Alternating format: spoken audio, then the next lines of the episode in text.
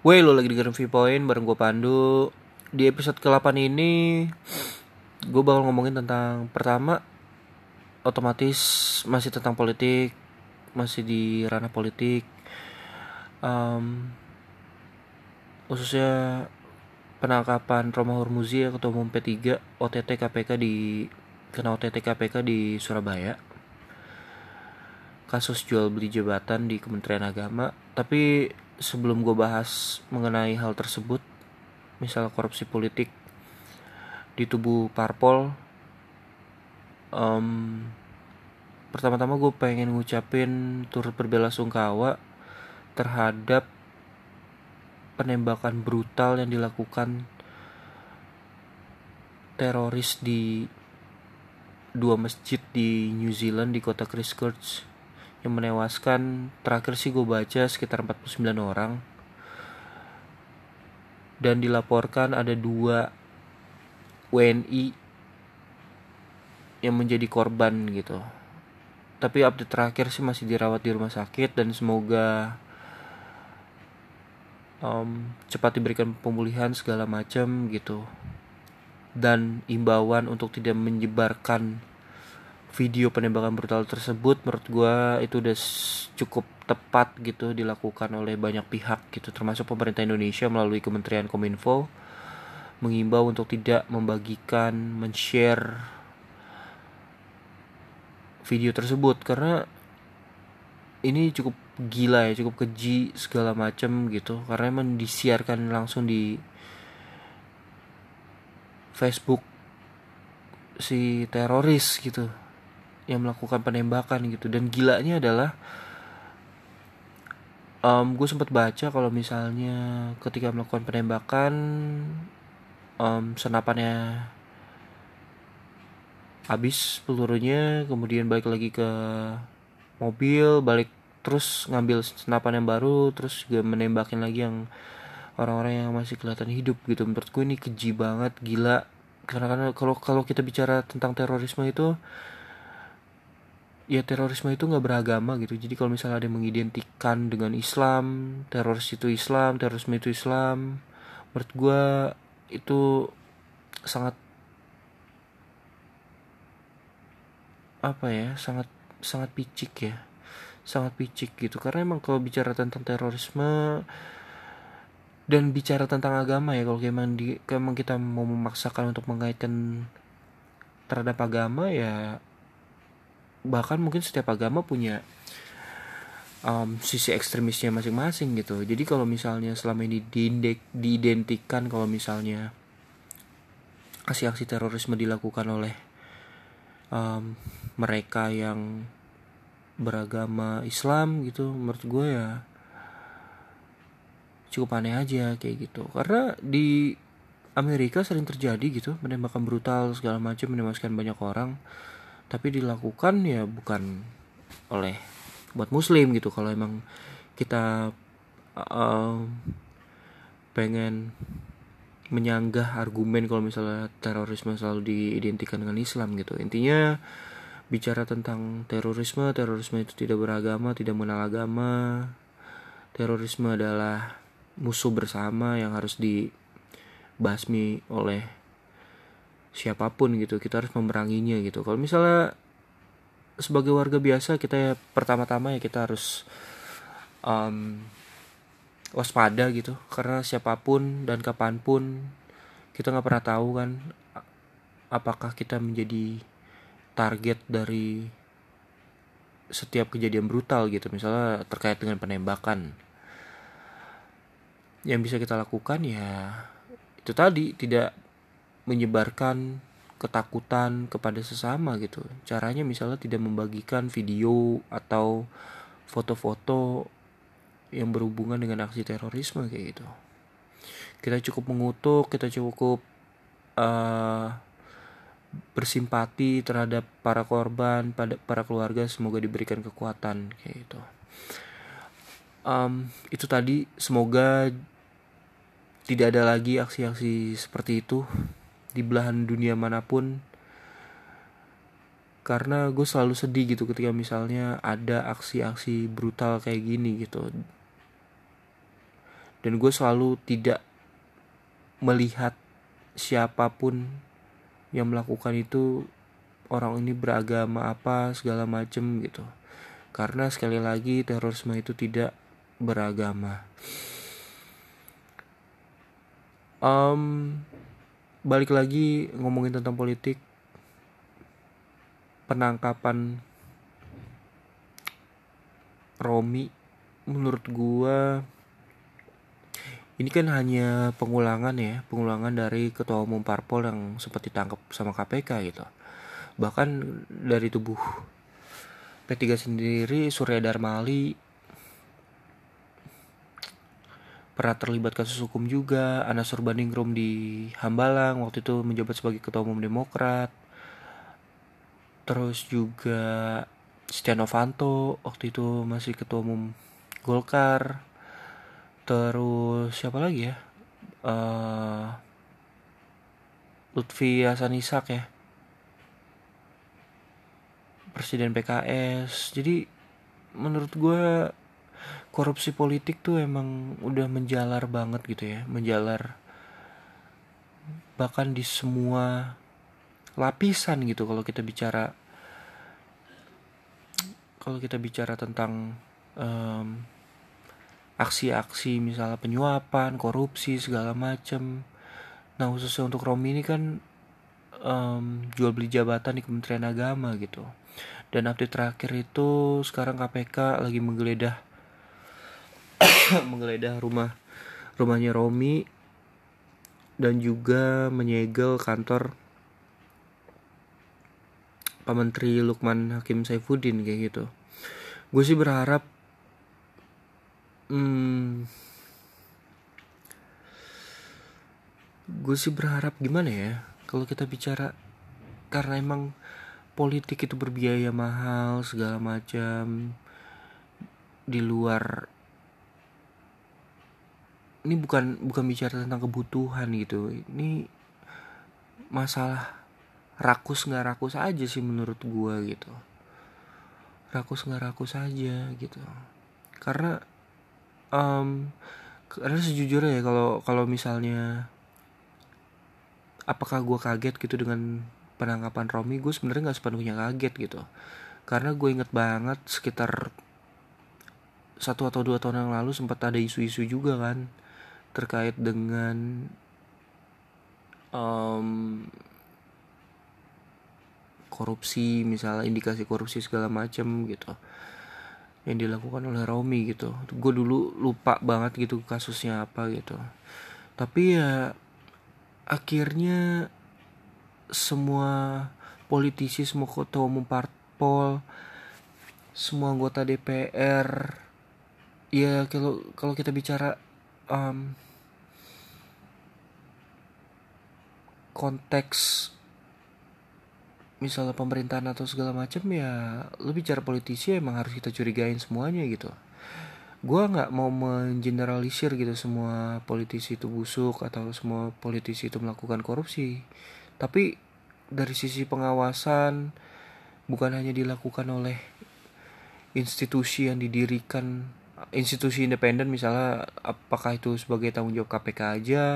Apakah misalnya uh, organisasi masyarakat masyarakat sipil itu diwakili oleh ICW aja untuk memerangi korupsi? Ya enggak gitu. Dalam memerangi korupsi ya ini menjadi tanggung jawab bersama tanggung jawab semua pihak gitu.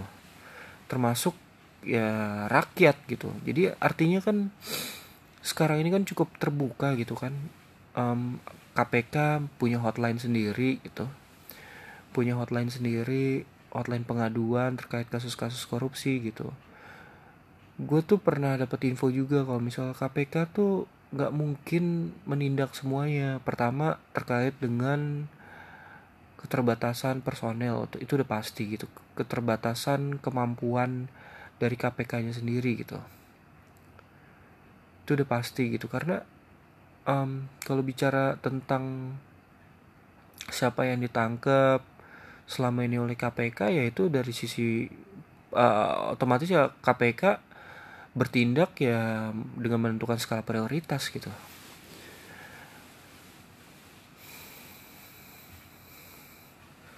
Jadi makanya yang ketangkep misalnya anggota DPR kepala daerah petinggi partai kayak gitu-gitu sedangkan di daerah mungkin masih banyak banget gitu.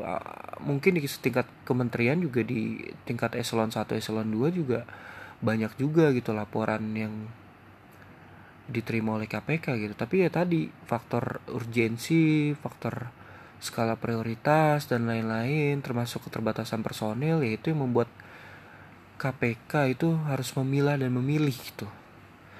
Karena untuk melakukan um, sebuah OTT ya otomatis kan bukan hanya sehari dua hari kan. Dipantau diintai segala macem gitu. Karena ini pasti um, memang sudah dilakukan sebuah proses screening yang cukup panjang gitu. Dilakukan oleh KPK gitu. Dan dalam memerangi sama seperti memerangi teroris terorisme gitu memerangi korupsi itu tanggung jawab semua pihak gitu. Bukan hanya menjadi tanggung jawab KPK sebagai lembaga independen di Indonesia yang didirikan untuk memberantas kasus-kasus korupsi gitu. Bukan hanya dari sisi penindakan tapi juga pencegahan. Bukan hanya KPK gitu bukan hanya mereka sendiri gitu tapi semua lapisan gitu dan ya emang tadi yang gue bilang karena emang politik kita itu berbiaya mahal belum lagi faktor-faktor kerakusan dari para politisi ini gitu. Akhirnya ya membuat mereka terjerumus gitu. Bahkan untuk orang-orang yang mungkin kita anggap ah nggak mungkin lah mereka korupsi gitu. Tapi ternyata korupsi. Kita sempat inget gitu ketika misalnya di 2009 2009 apa 2004 gitu kan uh, Partai Demokrat uh, mengiklankan gitu misalnya tokoh-tokoh petinggi-petingginya itu uh, apa dengan mengklaim saya tidak korupsi apa segala macam gue lupa iklannya apa secara spesifik tapi ternyata kita lihat sendiri gitu misalnya Demokrat bendara umum ya kena petinggi-petinggi lainnya kena. Bukan hanya Anas Urbaningrum misalnya tapi Nazarudin um, yang gue inget tuh siapa lagi ya? Eh, Angelina Sondak gitu.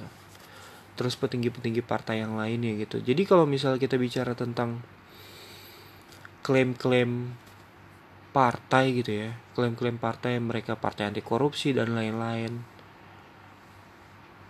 atau mengklaim kalau misalnya mereka bersih segala macem gue selalu tidak bersepakat dengan hal itu gitu loh. Karena kita bicara siapa pun partainya ya mereka terlibat gitu. Dalam kasus-kasus korupsi gitu. Kecuali emang misalnya partai-partai baru. Ya bahkan partai-partai baru pun ya mas diisi dengan orang-orang lama yang bahkan juga um, misalnya caleg-caleg yang diusung kembali itu caleg-caleg bermasalah gitu. Ya mungkin sekarang kita ada beberapa partai baru gitu misalnya kayak PSI gitu. Uh, partai ini kan mengklaim sebagai partai anak muda partai be bebas korupsi misalnya nggak ada calegnya sama sekali yang pernah terlibat kasus korupsi. Dan menurut gue itu sebuah langkah yang emang harus kita dorong gitu tapi kan pertanyaannya PSI ini kan belum pernah berada di dalam belum ibaratnya um, belum pernah berada di parlemen gitu. Jadi kita lihat aja konsistensinya gitu. Ketika misalnya nanti misalnya lolos parliamentary threshold ya kita lihat aja gitu. Apakah kader-kadernya ya kita screening aja selama lima tahun ke depan bisa menjaga marwah partai yang diagung-agungkan partai bebas uh, korupsi, partai anak muda, partai progresif, yang kayak gitu gitulah pokoknya.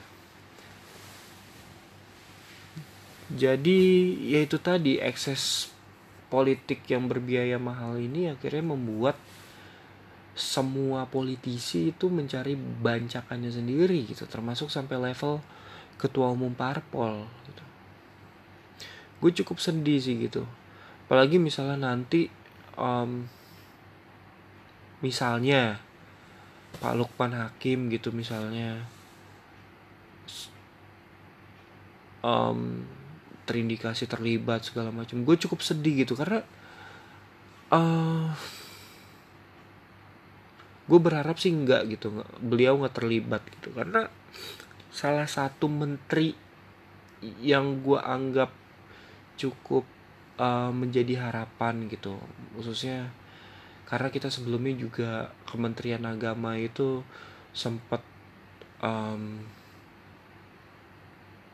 banyak kan kasus-kasus terkait dengan um, kasus Al-Quran ya kan? Sempat kan itu korupsi Al-Quran, korupsi dana haji segala macam. Tapi ketika uh, sudah mulai terasa misalnya ada perubahan, oh kelihatannya uh, misalnya Pak Lukman Hakim bersih segala macam. Gua anggap sih beliau um, cukup bersih gitu untuk tidak terlibat gitu. Tapi kalau mis ketika misalnya nanti dalam prosesnya karena kan ini statusnya sekarang ruang beliau ini disegel ya kan disegel sama KPK dan gue sangat berharap gitu misalnya beliau nggak terlibat apa pun gitu kasus di ya Kementerian Agama misalnya entah kasus jual beli jabatan atau kasus-kasus lainnya kayak gitu. Karena dari banyaknya menteri di pemerintahan Jokowi gue salah satu harapan gue yang gue anggap cukup cemerlang dalam kiprahnya sebagai menteri ya Pak Lukman gitu gue harap beliau nggak terlibat sama sekali gitu. Kalau sampai terlibat entah gue harus percaya sama siapa gitu kan. Aduh gila. Ini menurut gue pukulan telak juga gitu bagi bukan hanya bukan hanya bagi misalnya partai P3 yang seharusnya caleg-calegnya ini lagi gencar untuk menarik simpati menjelang pileg tapi ternyata ketua umumnya ditangkap sebulan sebelum uh, pencoblosan kayak gitu. Dan sekarang kan narasinya juga kembali digulirkan kan gitu. Kayak misalnya um, pendukungnya Jokowi sebagian pendukungnya Jokowi menganggap kalau misalnya eh ketua umum P3 aja partai pendukung pemerintahan aja ditangkap. Artinya Jokowi tidak tebang pilih dalam melakukan penegakan hukum gitu. Misalnya di kubu Prabowo menganggap eh lo selama ini menganggap atau menuduh kita macam-macam ternyata lo juga korupsi gitu. Jadi akhirnya narasi ini bergulir um, bergulir ya tanpa kendali gitu. Akhirnya masyarakat juga dibingungkan. Jadi sebenarnya ya kalau kita bicara artinya um, dengan ketangkapnya ini nggak ada hubungan dengan Jokowi juga gitu. Nggak ada hubungannya dengan Jokowi juga karena KPK sebagai lembaga independen ya harusnya kita memuji KPK gitu yang secara berani tegas gitu melakukan OTT ketua umum partai politik gitu. Apalagi di masa-masa genting menjelang pencoblosan ini. Dan menurut gue itu langkah progresif dari KPK gitu. Dan ini nggak ada hubungannya dengan Jokowi yang tidak tebang pilih segala macam ya. Karena KPK lembaga independen gitu nggak bisa kita kait-kaitan kait-kaitkan dan kita mainkan narasi untuk menganggap Jokowi tidak tebang pilih terhadap penegakan hukum yang dilakukan um, oleh KPK gitu dengan menangkap um, Romi gitu. Jadi pertama-tama kita harus memuji langkah yang dilakukan oleh KPK gitu. Dan kita juga tidak hmm, kemudian misalnya narasinya eh lo juga selama ini uh, menuduh kita macam-macam ternyata lo juga korupsi juga. Tuh lihat tuh partai pendukung pemerintah. Ternyata korup juga ya. Kalau narasinya juga dimainkan kayak gitu ya gue juga nggak nggak nggak sepakat gitu. Karena ya itu seperti yang udah gue sampein sebelumnya gitu. Kalau karena korupsi ini musuh bersama gitu. Yang harus emang kita lawan bareng-bareng gitu. Dan fungsi pengawasan itu bukan hanya dilakukan oleh misalnya KPK aja gitu inspektorat misalnya atau kepolisian. Ya ini tanggung jawab kita juga semuanya rakyat Indonesia gitu. Ketika misalnya ada praktek-praktek yang tidak benar segala macem ya kita laporkan aja gitu. Karena kan semua kanal sekarang udah cukup terbuka gitu kan. Akses untuk uh, whistleblower udah terbuka gitu di KPK misalnya. Dan gue um, juga misalnya ketangkepnya wali kota Malang, wali kota Batu gitu oleh KPK itu juga dilakukan. Gue gue tahu banget gitu karena proses-proses yang dilakukan oleh masyarakat, gerakan masyarakat masyarakat sipil di Malang dengan melakukan investigasi segala macam dengan melakukan misalnya kerja-kerja um, bersama anti korupsi gitu bahkan misalnya melaporkan ke KPK secara langsung melakukan proses pengaduan. Ini menurut gue ini langkah-langkah yang cukup progresif yang dilakukan. Bukan hanya um, artinya gini bicara tentang korupsi ya bukan hanya tanggung jawab satu atau dua pihak gitu atau satu dua lembaga aja tapi tanggung jawab bersama gitu. Dan ini um, untuk memerangi korupsi ya harus proses kolektif bersama gitu. Bukan hanya penegakan kasus korupsi penindakan kasus korupsi atau misalnya um, pengaduan. Dari sisi pengaduan aja. Dari sisi pengaduan um, atau proses investigasi aja. Proses investigasi kasus kasus korupsi bukan hanya uh, bisa dilakukan oleh lembaga-lembaga yang emang punya concern di sana gitu. Bahkan masyarakat sipil pun punya tanggung jawab punya peran yang bisa diambil gitu untuk melakukan kerja-kerja anti korupsi gitu. Bahkan kita juga bisa melakukan kampanye anti korupsi ke daerah-daerah ke wilayah-wilayah yang cukup um, selama ini misalnya kita kan menjelang ini nih menjelang pencoblosan. Di wilayah-wilayah yang rawan um, politik uang misalnya kita bisa masuk ke warga-warga gitu. Gue pernah melakukan itu gitu loh. Dan resistensi itu selalu ada gitu. Tapi kalau kita menganggap anti korupsi ini sebagai proses kolektif sebagai tanggung jawab bersama ya harusnya bisa kita lakukan bareng-bareng kayak gitu. Jadi pertama-tama ya kita dari ketangkepnya um, ketua umum P3 ini kita harus mengapresiasi kerja KPK dan semoga ke depannya lagi tidak ada teror-teror yang dilakukan oleh siapa pun pihak-pihak yang tidak bertanggung jawab terhadap organ-organ penting yang ada di KPK gitu terhadap pimpinan KPK terhadap penyidik kita udah cukup sering gitu kayak misalnya um, penyidik KPK di teror segala macam yang terakhir ya kita udah mengalami gitu. Novel kasus novel Baswedan yang mengalami kemandekan gitu. Satgas yang dibentuk di bawah Polri misalnya tidak berjalan dengan baik dan tidak menunjukkan progres yang cukup signifikan terhadap teror yang dilakukan oleh orang-orang yang dianggap besar gitu dan sehingga akhirnya kasus ini mengalami kemandekan gitu dan tidak diusut tuntas gitu. Menurut gue ini salah satu beban. Kalau kita kita pengen menagih gitu ya. Kita mengapresiasi KPK atas uh, keberaniannya untuk menangkap ketua umum parpol dalam kasus korupsi dalam kasus misalnya yang terakhir jual beli jabatan ini gitu. Kita harus mengapresiasi KPK gitu. Tapi kalau kita emang mau meminta komitmen dari pemerintah dalam hal ini presiden ya komitmen untuk menyelesaikan kasus yang dialami oleh Novel Baswedan misalnya. Itu baru kita tagih ke Jokowi gitu. Komitmennya kayak gimana gitu. Baru di situ kita menagih gitu bukan ketika misalnya ada tertangkapnya um, koalisi pendukung pemerintahan, ketua umum parpolnya, kemudian kita mengapresiasi Jokowi. Nah, itu salah tempat gitu.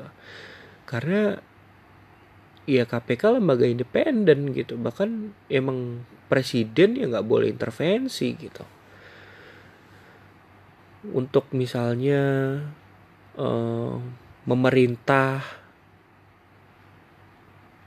atau um, memberikan arahan untuk melakukan penangkapan penangkapan atau aksi-aksi um,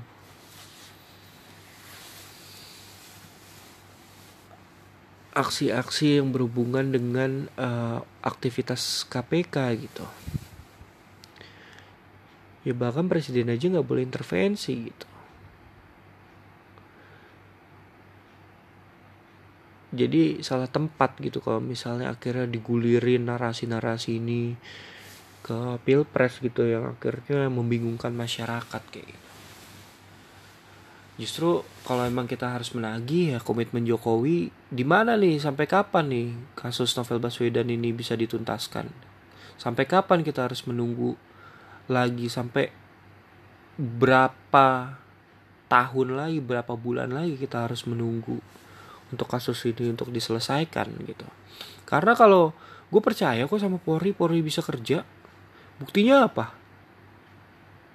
Komitmen untuk memberantas mafia bola tuh tuh gimana nggak progresifnya gitu? Dalam waktu misalnya satu bulan dua bulan tiga bulan udah berapa belas tersangka kan? Bahkan petinggi-petinggi PSSI dihabisi gitu sama Polri. Artinya gue nggak me nggak menganggap sebelah mata um, kerja-kerja yang dilakukan oleh Polri gitu untuk menindak sebuah kasus. Kalau misal komitmennya ada ya pasti akan dilakukan gitu. Justru ketika misalnya sekarang kasus Novel Baswedan mandek ya bukan berarti itu ketidakmampuan Polri tapi komitmen di belakangnya gitu. Mau menyelesaikan atau tidak gitu. Karena gue juga menduga ada ya mungkin melibatkan petinggi-petinggi di dalam tubuh tubuh um, institusi kepolisian juga mungkin mungkin gue nggak nggak tahu gitu. Atau um, atau melibatkan petinggi-petinggi uh, partai politik misalnya yang selama ini dendam gitu dengan kerja-kerja KPK mungkin aja gitu. Akhirnya kasus novel Baswedan ini mengalami kemandakan gitu. Jadi um, untuk episode ini itu dulu. Jadi kalau misalnya narasi akhirnya digulirin ke sana kemari itu sangat tidak tepat gitu. Kita harus mengapresiasi KPK untuk dengan segala kerja-kerja progresifnya gitu. Menangkap um, OTT ketua umum partai politik gitu artinya nafas-nafas pemberantasan korupsi di Indonesia itu masih ada dan KPK salah satu lembaga yang masih gue percaya gitu di Indonesia gitu dengan segala integritasnya. Dan gue harapkan ini menjadi pelajaran penting juga bukan hanya kepada ketua umum parpol yang lain tapi bagi para politisi bagi para caleg bagi para um, legislatif legislator ya ber, bagi para legislator yang akan nanti duduk di kursi parlemen gitu. Kalau misalnya jangan main-main loh ketika misalnya punya jabatan. I think that's all untuk episode ke-8 ini. Gua sebenarnya kan kemarin sempat uh, bilang kalau misalnya gue nggak tahu nggak tahu misalnya di episode ke-8 ini gue bakal ngomongin apa. Eh tiba-tiba ada kejadian ketangkapnya Romi terus juga ada yang tadi sempat gue bahas gitu. Ada berita yang berita duka gitu penembakan brutal di New Zealand gitu. Kita mengutuk kasus korupsi kita mengutuk juga aksi-aksi terorisme. Oke dari gue itu aja. Bye bye